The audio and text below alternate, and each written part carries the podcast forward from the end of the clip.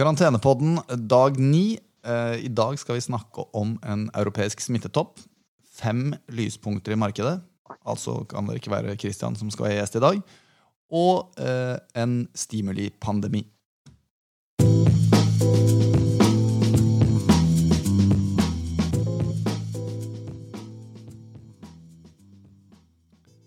Hei, Christian. God ettermiddag. Hva vil du si om denne smittetoppen?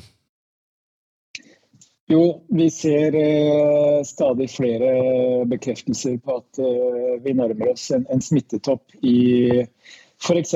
Tyskland, eh, Frankrike, hvor vi for ti dager siden hadde en eh, vekst i antall smittede per dag på 25-30 der er vekstraten nå ned på 13 eh, Og i Italia så fortsetter det heldigvis i riktig retning, selv om situasjonen fortsatt er eh, grusom. Eh, så er vekstraten nede på 7,5 i, i Italia.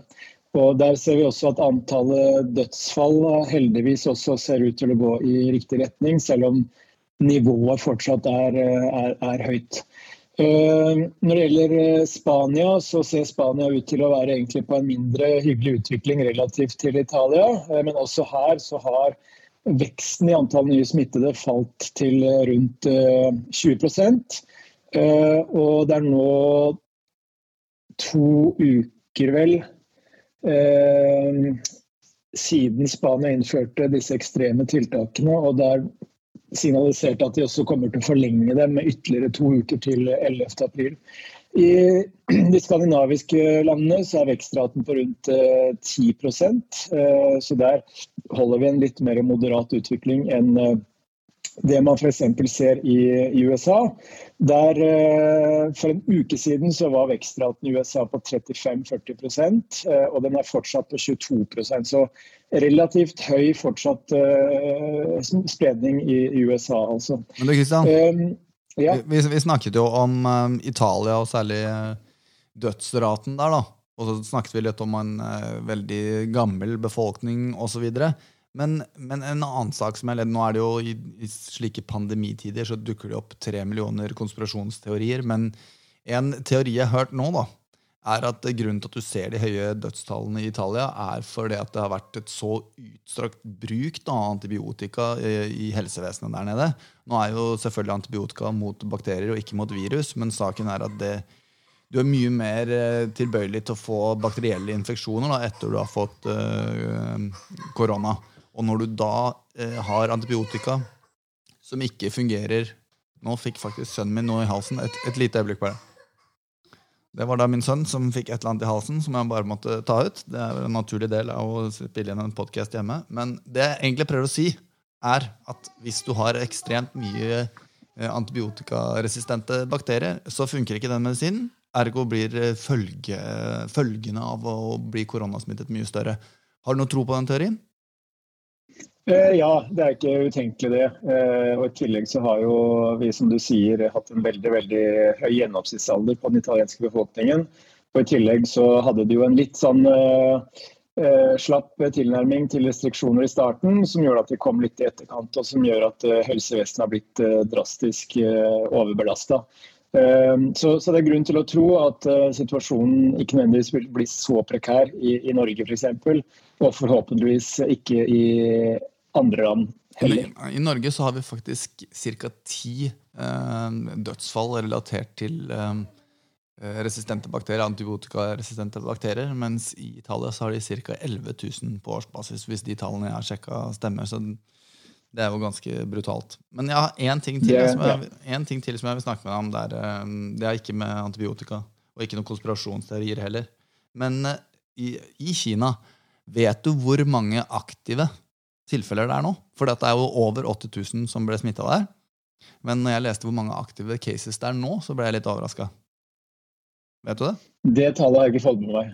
Please er, enlighten me. Ja, Ifølge den uh, statistikken som jeg følger, så er det 3947 aktive cases. Og det er ganske mye lavere enn det jeg trodde. Det er det definitivt. Ja, Og hvis du sammenligner det f.eks. med Italia, så har de skal vi se hvor mange aktive cases de har. De har 57 500 aktive cases. Ja. Så det, hvis man skal trekke fram noe positivt, da, så er det i hvert fall veldig positivt hvis de tallene der stemmer. Det er det så definitivt. og Det er litt sånn som vi snakket om på, på poden i går også, at den hypotesen vi jobber med, er jo at man vil nå en smittetopp i Europa om en uke eller to. Og så vil man komme med en smittetopp forhåpentligvis i USA i midten av april. Og Da vil man jo begynne å følge med på nettopp det du snakker om nå, det, det som da kalles aktive tilfeller, eller active cases. Fordi det vil si oss noe om antallet som blir friskmeldt og eller dør, begynner å overstige nye smittede. For Det vil da kunne si noe om belastningen på helsesystemet, om det avtar eller om det fortsatt er, er, er veldig stressa. Så det er ikke helt mørkt, det er noen lys i tunnelen, men det er litt sånn som eh, han eh, doktor Anthony Fauci også, som er eh, Trump-administrasjonens eh, vitenskapelige alibi i denne pandemien. Eh, han har vært ute og sagt også at dette viruset kommer sannsynligvis til å være sesongbetont og komme tilbake i en uh, ny uh, bølge, og kanskje også flere bølger etter hvert. slik at dette er nok noe vi må leve, lære å leve med også på lang sikt. Ja, det, det gjelder ikke mitt hjemmekontor, altså det kan jeg bare si fra om en gang. Men la oss bevege oss over til eh, markedet, Kristian.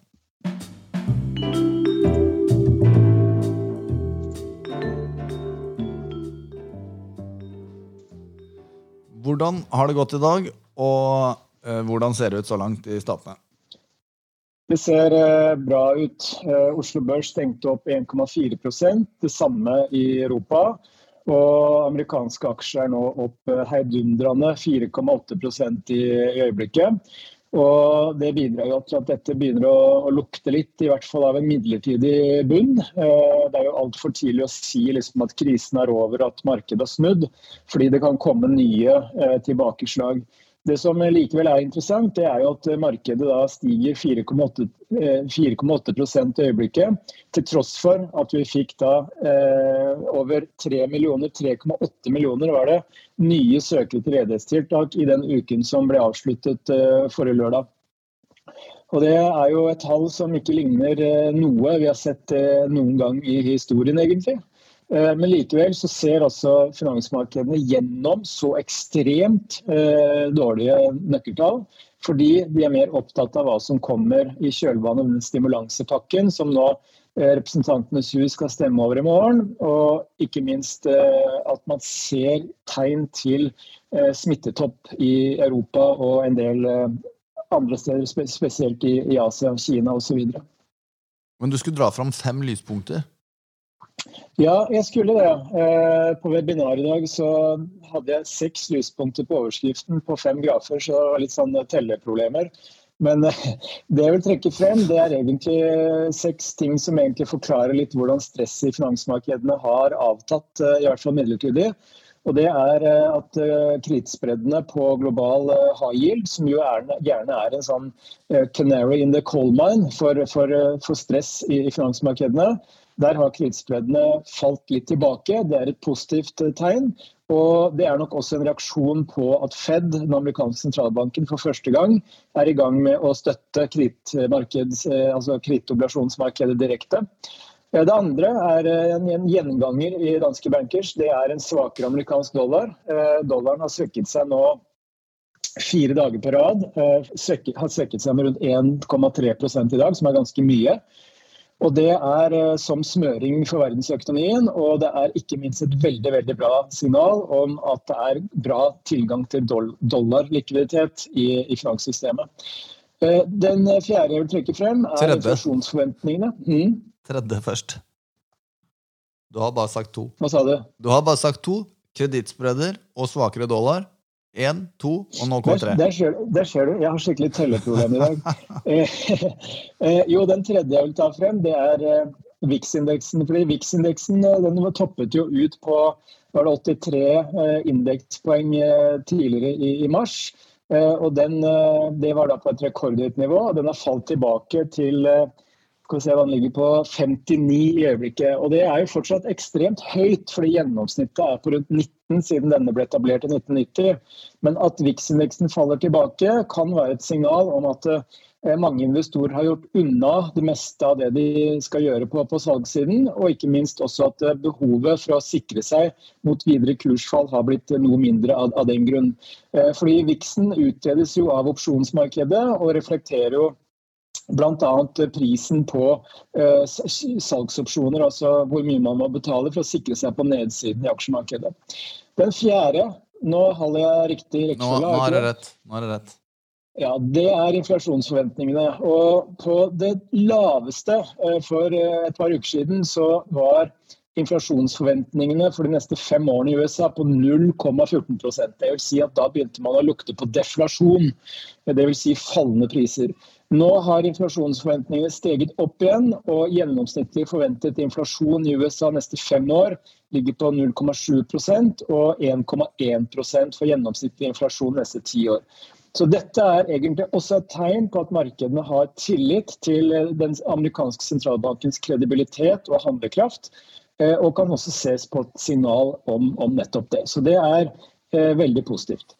Den femte som jeg vil ta frem, det er renteforskjellen mellom Tyskland og Italia. og Den har vi også nevnt tidligere, men den har kommet uh, ytterligere ned. Uh, ligger på om lag 1,8% mens den var oppe på 2,75 på det meste for bare noen eh, uker siden.